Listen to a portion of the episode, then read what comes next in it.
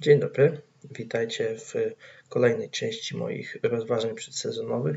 Już jak widać sezon powoli wkracza y, w bardziej rozwiniętą fazę. Już zaczynają się mecze przedsezonowe, więc niektóre wnioski mogą się szybko przedawniać, no ale warto coś tutaj wspominać na temat niektórych tematów. No i pierwszą drużyną, która trafi u mnie na tapet jest New Orleans Pelicans, y, którzy zrobili bardzo dziwne ruchy, których nie do końca rozumiem w lato. Przede wszystkim ich rotacja to Lonzo pewnie na i Bledsoe na guardach, Ingram ze Zionem na skrzydłach i Adams w środku. No i gdzieś tam na rezerwie będą się kręcić Kira, Kyra Lewis Jr. albo Nickel Alexander Walker, JJ Redick, Josh Hart, Nicolo Melli i Jackson Hayes. No plus takie ligowe odpady jak Sindarius Tornwell, e, Wenyen Gabriel i Willy Hernan Gomez to są w zasadzie e, uzupełnienia do podawania ręczników. No i o ile wymiana za Drew Holiday'a no, ma fantastyczną wartość i tutaj w ogóle się nie ma co nad tym zastanawiać. Myślę, że każdy klepnął ją by każdy, o każdej porze dnia i nocy, jeżeli dostałby taką propozycję, więc tutaj się nie ma co rozwodzić. Bledsoe to po prostu sporo gorsza wersja Holiday'a, dająca po prostu mniej możliwości, z tego tytułu gorsza. No ale pierwszym ruchem, który mi się tak nie do końca podoba, jest pozyskanie Stana Wangandiego jako trenera. Z drugiej strony Stan może już nie jako e, generalny menedżer, czy tam e, President of Basketball Operations, jaką rolę nam pełnił w Detroit, tylko jako e, pełnoprawny trener będzie wyglądał dużo inaczej, może się dużo bardziej przysłużyć. Przede wszystkim, co mi się spodobało, to powiedział, że chce więcej, e, żeby więcej gry kreowali z Jon z Ingramem, co myślę, że długoterminowo bardzo się im przyda. No i też Stan myślę, że jednak ze swoim doświadczeniem pomoże na pewno w odblokowywaniu defensywnego potencjału czy Ingrama, czy Ziona, czy chociaż wypracuje takie schematy, które pozwolą ich tam troszeczkę chować w obronie i jednak nie będą takim problemem, bo i Zion ze swoją ruchliwością, no to jednak miał troszeczkę problem i Ingram też, no jednak tutaj widać pewną tendencję taką, że ten zespół może mieć problem, jeżeli będzie jakiś duży forward naprzeciwko, który umie bardzo dobrze rozgrywać. Wtedy oni będą naprawdę w tarapatach, bo Ingram nie jest takim graczem, który go zatrzyma, nie jest nim Zion.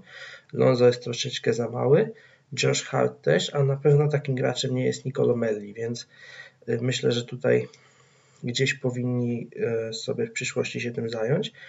No i takim drugim problemem jest spacing. Dlatego tutaj nie rozumiem kompletnie dealu po Stevena Adamsa. On da pewne fajne wartości, bo chronienie obręczy, czy też zostawianie tablicy, które było dużym problemem, czy w ataku stawianie screenów i kończenie pod obręczą super, ale jak to się wpisuje w e, długoterminowe ogrywanie Zajona, który jednak, żeby funkcjonować na y, długoterminowo na porządnym poziomie, potrzebuje spacingu, który będzie mu tworzył wysoki. Więc no, generalnie to dojdzie do tego, że zamiast y, bronić Zajona innymi skrzydłowymi, to będą robić to centrzy bardzo często, co myślę, że nie jest pomocą, że nie dość, że będzie odpuszczany na obwodzie, no to jeszcze y, pod koszem będzie czekać jakiś potężnie zbudowany kloc. No chyba, że tutaj jest zamysłem takim, żeby uruchamiać dużo więcej Zajona off-ball, czego na przykład nie robią w Milwaukee z Janisem. Obaj prezentują bardzo podobny profil i na przykład można by ich dużo bardziej jako rollmenów wykorzystywać, czy też no przede wszystkim jako katerów, no tylko, że do tego też trzeba mieć personel. No i tutaj pytanie, jakie się kłania, czy PO to jest realny cel? Moim zdaniem Play-in na pewno. Playoffy raczej nie, ale przy jakimś szczęśliwym zbiegu okoliczności, czy tutaj, nie wiem, trzech kontuzji urywali osobno, czy powiedzmy jakimś e, lepszym e, streaku, wszystko jest możliwe, tam naprawdę będzie dość ciasno. No i też kwestia, jaka mnie tutaj notowała, czy spróbują zrobić coś takiego, żeby ograć Bledsoe i jednak w trade deadline gdzieś go wysłać za właśnie jakiegoś e, skrzydłowego? Możliwe. No i myślę, że żeby podbić wartość Bledsoe, no to on będzie grał jednak trochę z JJ Redickiem, który te jego problemy w ataku, czyli słabą grę bez piłki, będzie maskował swoją grą jednak w dosyć wyraźny sposób. Więc myślę, że tutaj jest dużo do oglądania. Jest jeszcze bardzo dużo do zrobienia przez Davida Griffina, żeby on się za chwilę nie stał e, drugim Denim Angelem kolekcjonującym asety i w sumie na tym kończącym całą pracę. Nie wiem, no myślę, że jeżeli ktoś na coś miałby tutaj zawiesić oko, to może Brandon Ingram i jego kolejny krok w rozwoju, a druga rzecz, no to jeżeli stan nie będzie ograniczał możliwości gry w kontrze Lonzo i Zajona, to myślę, że też może kilka ciekawych highlightów ta para dać. Następnym zespołem, jaki zwrócił moją uwagę, to Minnesota Timberwolves, e, którzy oni znowu się troszeczkę inaczej budowali, bo oni spacing mają świetny i mają też bardzo dobrych graczy na piłce, więc tutaj myślę, że ofensywa jako takim problemem nie, nie powinna być. Ale ale to, co oni tutaj zbudowali pod kątem bronienia silnych, skrzydłowych rywali, to jest dramat. Jeżeli się przyjrzeć temu szerzej, no to mamy na pozycji PF Jake Lehman, Juancho Hernan Gomez i Rondé Hollis Jefferson, ewentualnie Jared Vanderbilt albo Jared Calver. Jest to moim zdaniem dość biedna paka, jeżeli chodzi o budowanie i też myślę coś, co będzie bardzo duży problemu przysparzać temu zespołowi, bo jeżeli, się, jeżeli się przyjrzymy ich rotacji, no to jest z ostatniego meczu wypisałem D'Angelo Russell, Malik Beasley, Josh Okogi, Jake Lehman, Carl Anthony Towns i z ławki Rubio, Edwards nie wiem czy grał, ale no prawdopodobnie to będzie jego spot, Jared Carvel, Juancho Hernan Gomez i Davis. No szału tu nie robi, no i tak się czepiam tej obrony. No, obrona, jeżeli chodzi o Team D i Help Defense, no to tutaj jest duży problem, bo najlepszym w tego typu aspektach jest Ricky Rubio, a jak wiadomo obrona guardów to fajna pomoc, a nie fundament. Ewentualnie może Jake Lehman, ale no to też nie grać na tę pozycję na pewno. W man-to-man defense znowu najlepszym graczem jest Rubio jeśli chodzi o obronę. Ewentualnie Carl Antony Towns w post, ale ilu, jak dużo gra się teraz postów pod kątem scoringu? No nie dużo, więc tutaj myślę, że jest to pewien problem. A Rubio już w Sansach pokazywał w zeszłym sezonie, że czasami miał problem, żeby wytrzymywać mecze jako e, point of attack, czyli ten główny obrońca obwodowy i ludzie tego nie chcieli widzieć, jak się krytykowało, a jednak było to sporym problemem, zwłaszcza i dlatego dla nich tak wartościowy stał się Michael Bridges, który bez problemu wypełniał tę rolę i się w niej spełniał.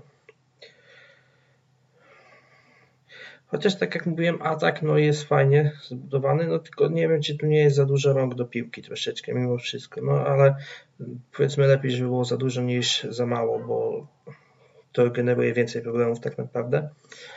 Kolejnym problemem, jaki mają Timberwolves, to jest brak własnego piku, którzy, które wysłali za e, D'Angelo Russella, wysyłając Andrew Wigginsa w drugą stronę.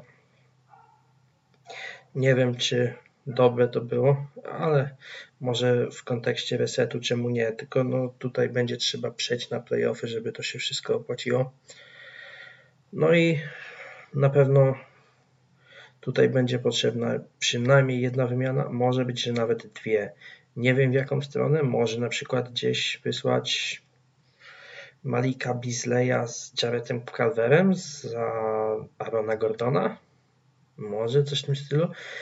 Generalnie tutaj będzie potrzebny naprawdę dobry power forward, który umie się znaleźć e, w trzypowierzchniowej obronie. W sumie trzypowierzchniowa to może e, złe powiedzenie, ale gracz, który potrafi e, bronić na grzybie, gracz, który potrafi wykonywać rotacje do pomocy i gracz, który odnajduje się w bronieniu silnych, wysokich forwardów rywali, jak na przykład LeBron James, czy no myślę, że przekazania na Antonego Davisa też będą wskazane i żeby mógł to wytrzymać.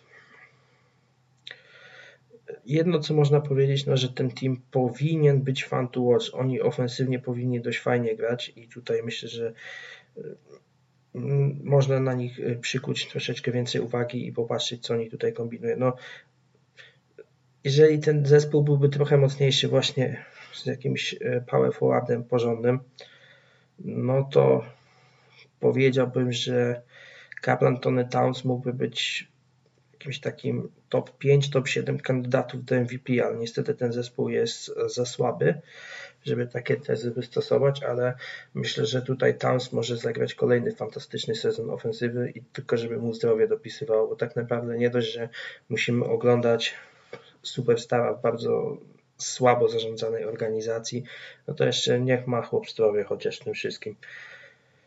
No i problemem, jaki zwróciłem uwagę w zeszłym sezonie jest Sanders, który no, w drugich połowach daje się ogrywać dość mocno i myślę, że tutaj by mu się przydał doświadczony asystent, a nie kojarzę, żeby próbowano ten problem rozwiązać. Nie wiem, czy może sam się próbował dokształcać, ale było to widoczne, że po przerwach Minnesota wyglądała źle.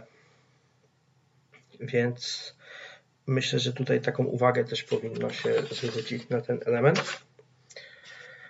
Kolejnym zespołem, który tutaj przykuwa moją uwagę, jest to Memphis Grizzlies, którzy mają bardzo ciekawą kadrę, bardzo szeroką,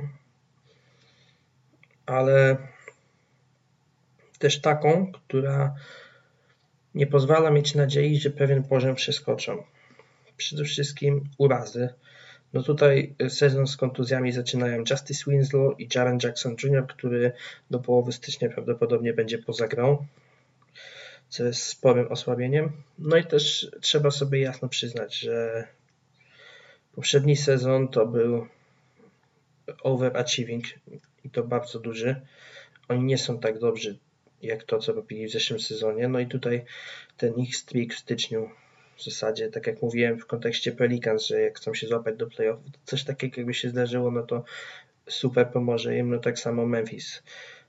Raczej już w tym roku nie dostanie takiego prezentu, że tam będzie y, roznosić wszystkich, których spotka, a jeszcze jak się trafią jakieś drużyny, jak na przykład Suns czy chyba Hornets wtedy, to też mieli problemy z urazami zawsze taki bonus, nie? Łatwiej jest kogoś pokonać, jeżeli nie jest w pełnym składzie.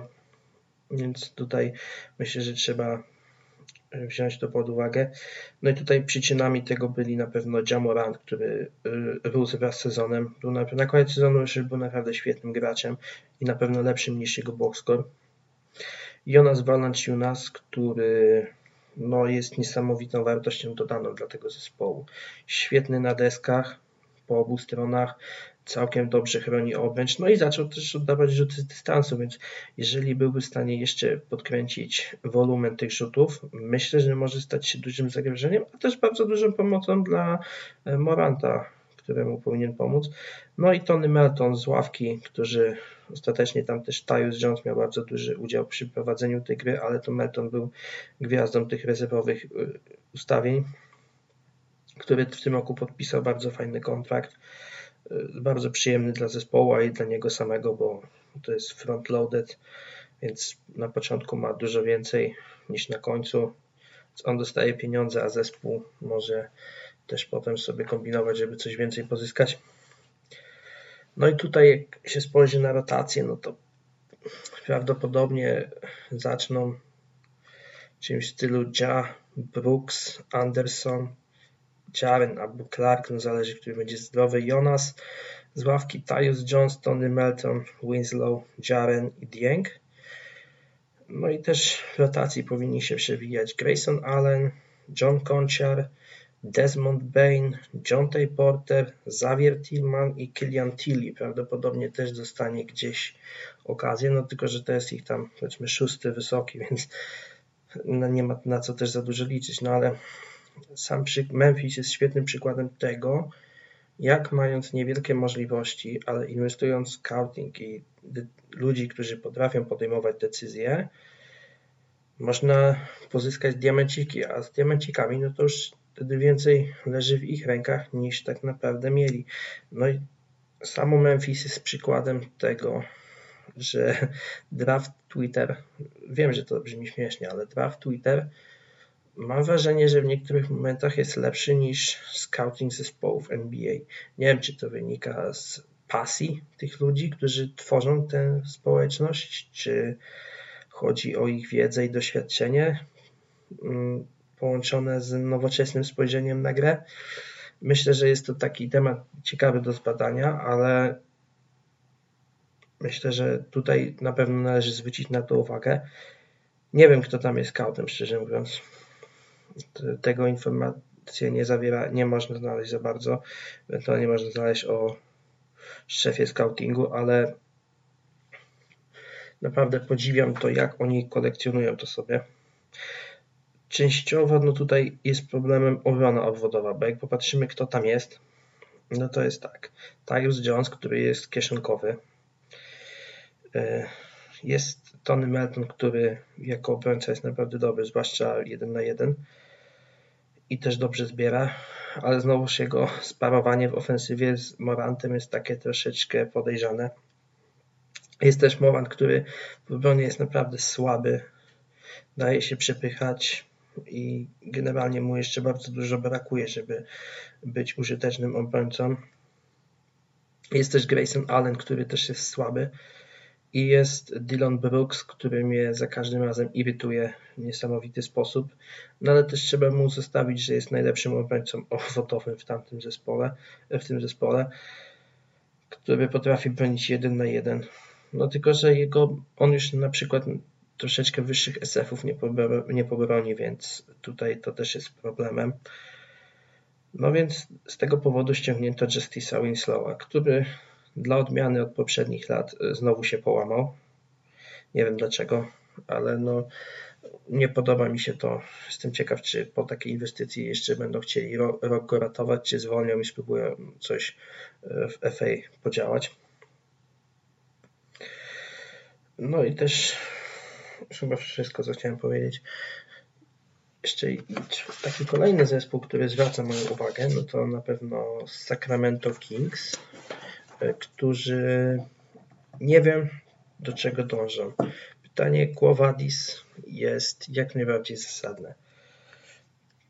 Ich rotacja, no tutaj nie ma jakichś problemów, myślę, z wytyczeniem długoterminowej rotacji, bo to jest Fox, Hilt, Barnes, Bagley, Holmes, Joseph, Halliburton, Robinson III, Bielica i Hassan, gdzie tam jeszcze w rotacji mogą się pojawić Daquan Jeffries i Frank Kamiński.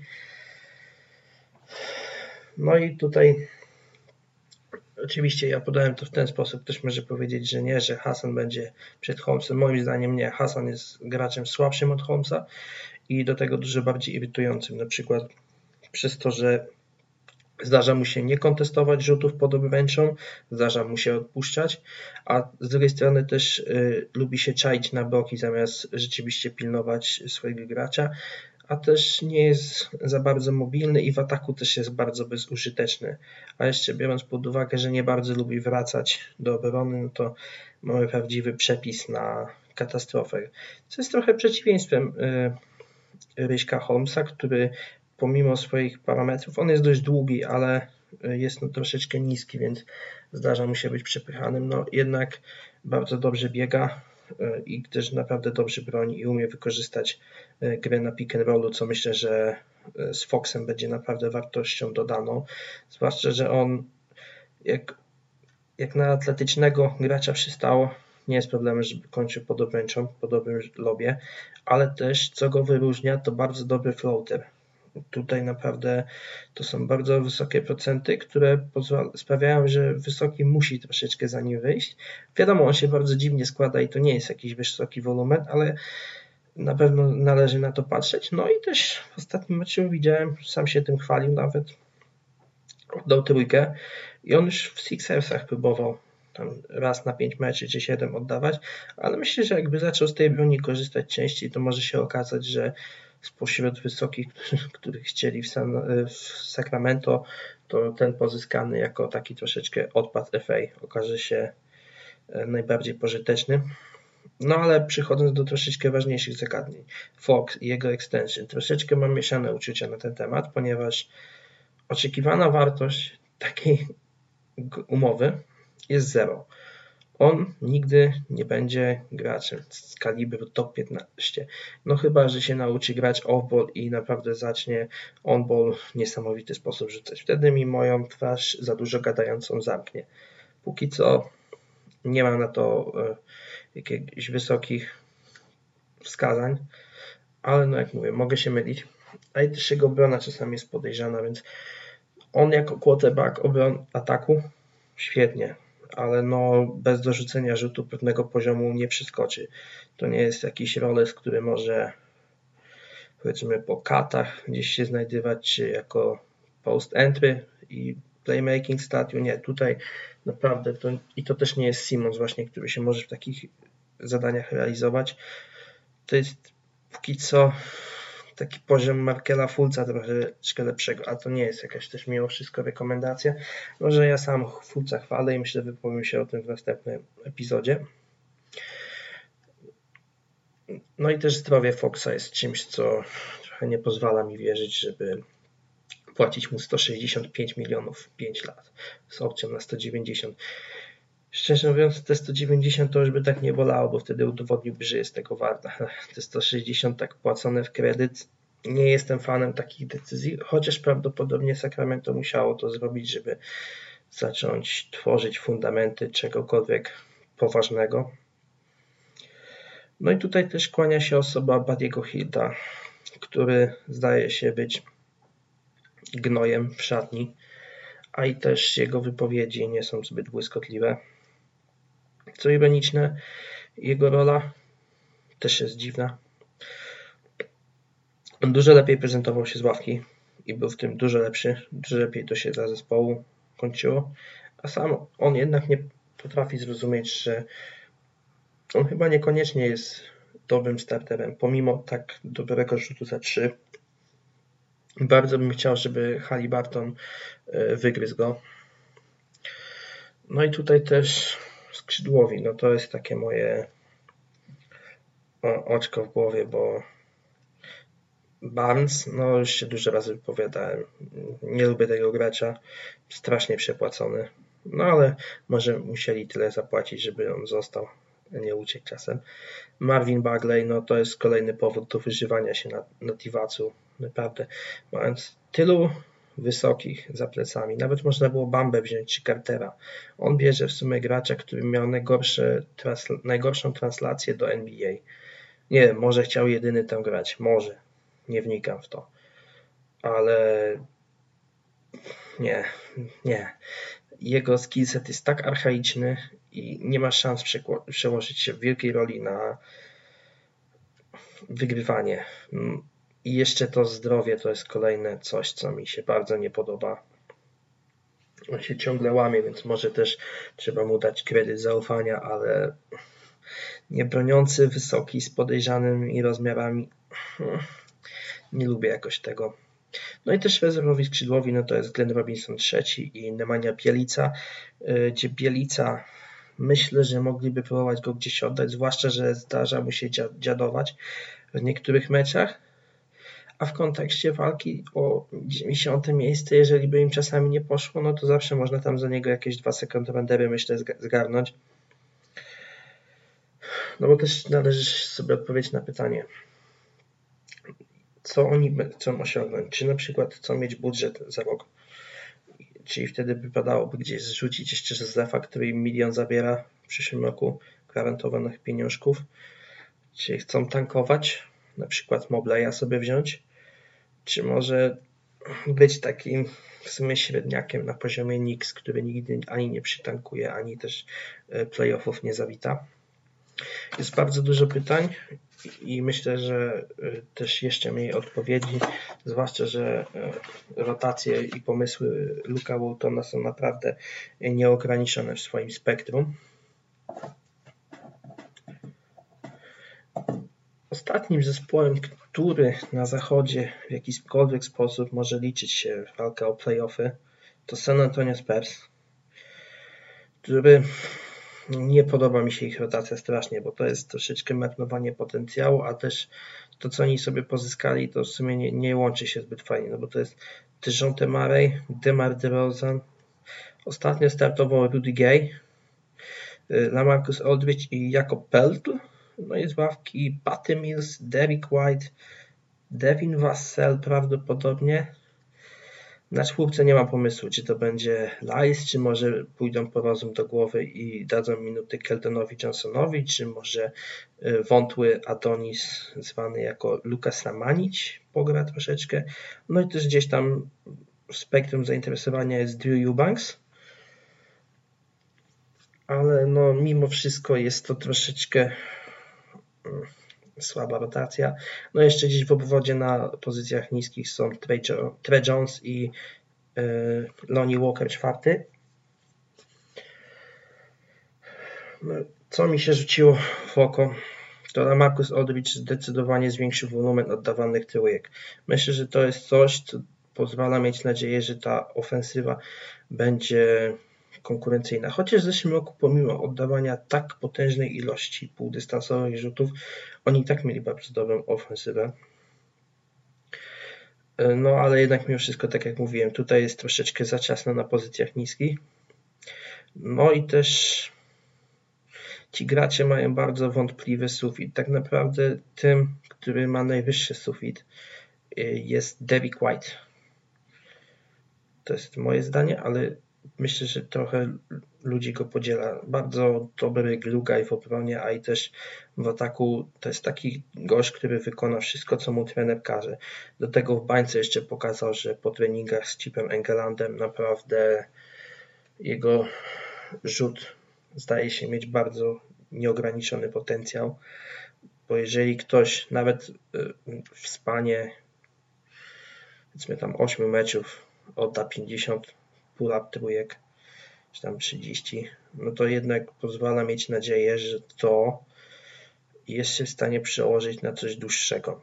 Nie wiem, co to jest za kontuzja, ma jakąś kontuzję palca, chyba u stopy. I jak to na niego wpłynie na początek sezonu, ale liczę, że Popowicz nie będzie robił jakiegoś gówna jak w poprzednim sezonie typu dzielmy minuty White'a i Mareya na pół, gdzie Marej też od, robił no naprawdę chore rzeczy, typu jakieś tam prowokowanie z usuwaniem e, zespołu z opisu. Wiadomo, jak to wygląda dzisiaj, że takie rzeczy mają znaczenie. I też się oburzał o rolę startera. Moim zdaniem zachowanie nie fair, ale no jak widać, bycie oczkiem w głowie Popowicza przekłada się na trochę co innego. No i tak w kontekście Popowicza należałoby zadać pytanie, czy to jest ten czas na zmiany, czy może wreszcie opłaca się wysłać gdzieś Geja, wysłać Odridge'a, wysłać DeRozana, nawet ten rok stracić? I tak nie ma pieniędzy za dużych z biletów? I później sobie za rok od nowa to wszystko układać ze swoimi młodziakami, zobaczyć kto jak się sprawdza w walce, a i też mieć więcej możliwości na przykład na pozyskanie kogoś. No jest bardzo dużo pytań.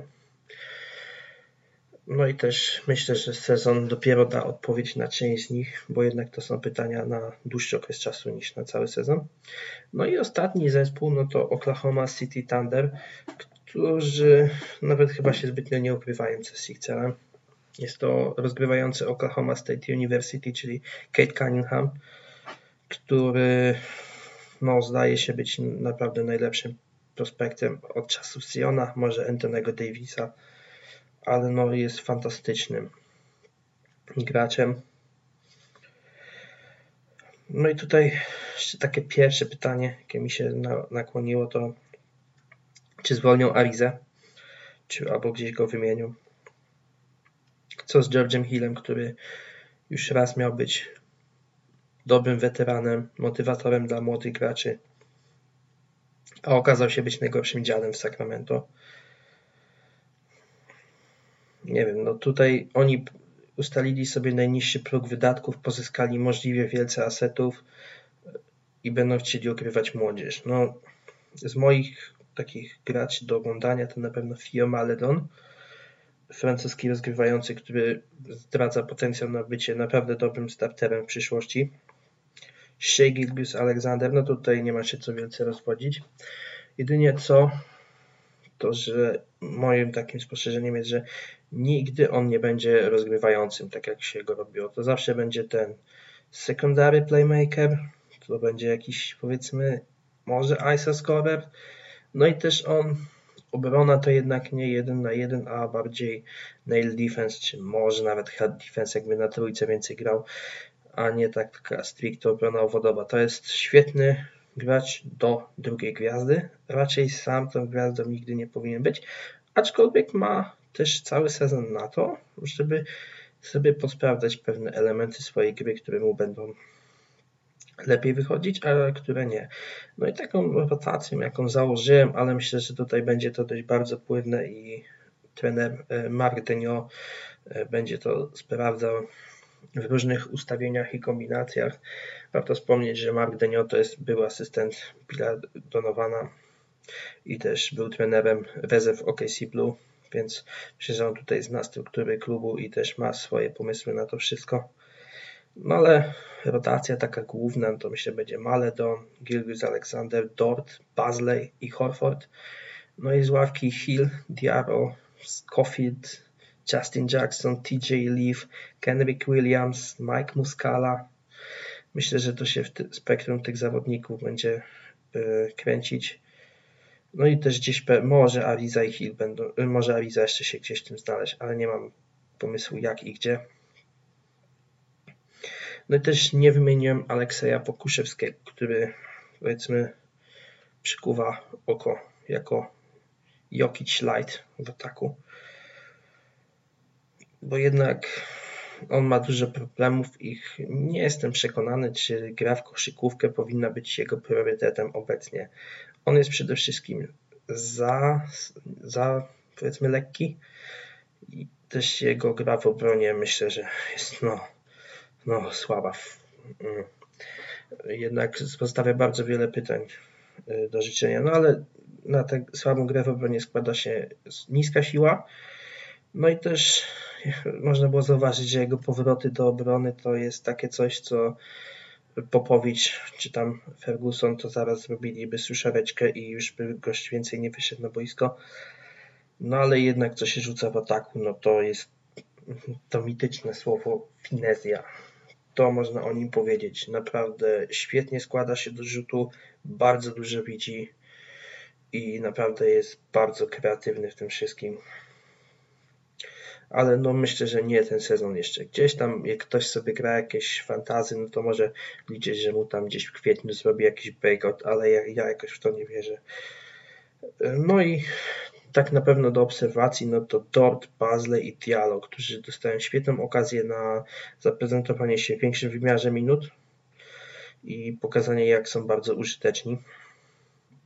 Moim zdaniem najlepszym graczem z tych powinien zostać Darius Bazley, który powinien bardzo dużo skorzystać na współpracy z Alfredem Horfordem, który zdaje się być świetnym weteranem, no tylko, że może niekoniecznie być skory do gry, chociaż z drugiej strony też rozumie, że to jest ostatnia szansa, żeby jakoś tam naprawić swoje nazwisko. A też myślę, że Presti widział, co się działo, na przykład jak Rubio grał z Bookerem, ile to dało zespołowi, że nawet te pieniądze, jakie zarabia Al i jak mało za niego wzięli, to, to jest tylko powiedzmy, że sezonowa inwestycja, ponieważ i tak musieli dobić do progu minimalnych wydatków. Dobra, ja dziękuję. No i myślę, że jeszcze w tym tygodniu się usłyszymy, żeby omówić ten wschodni klimat naprawdę świetnych zespołów, które będą do ostatniej kropli krwi walczyć o playoffy. Dziękuję i do usłyszenia.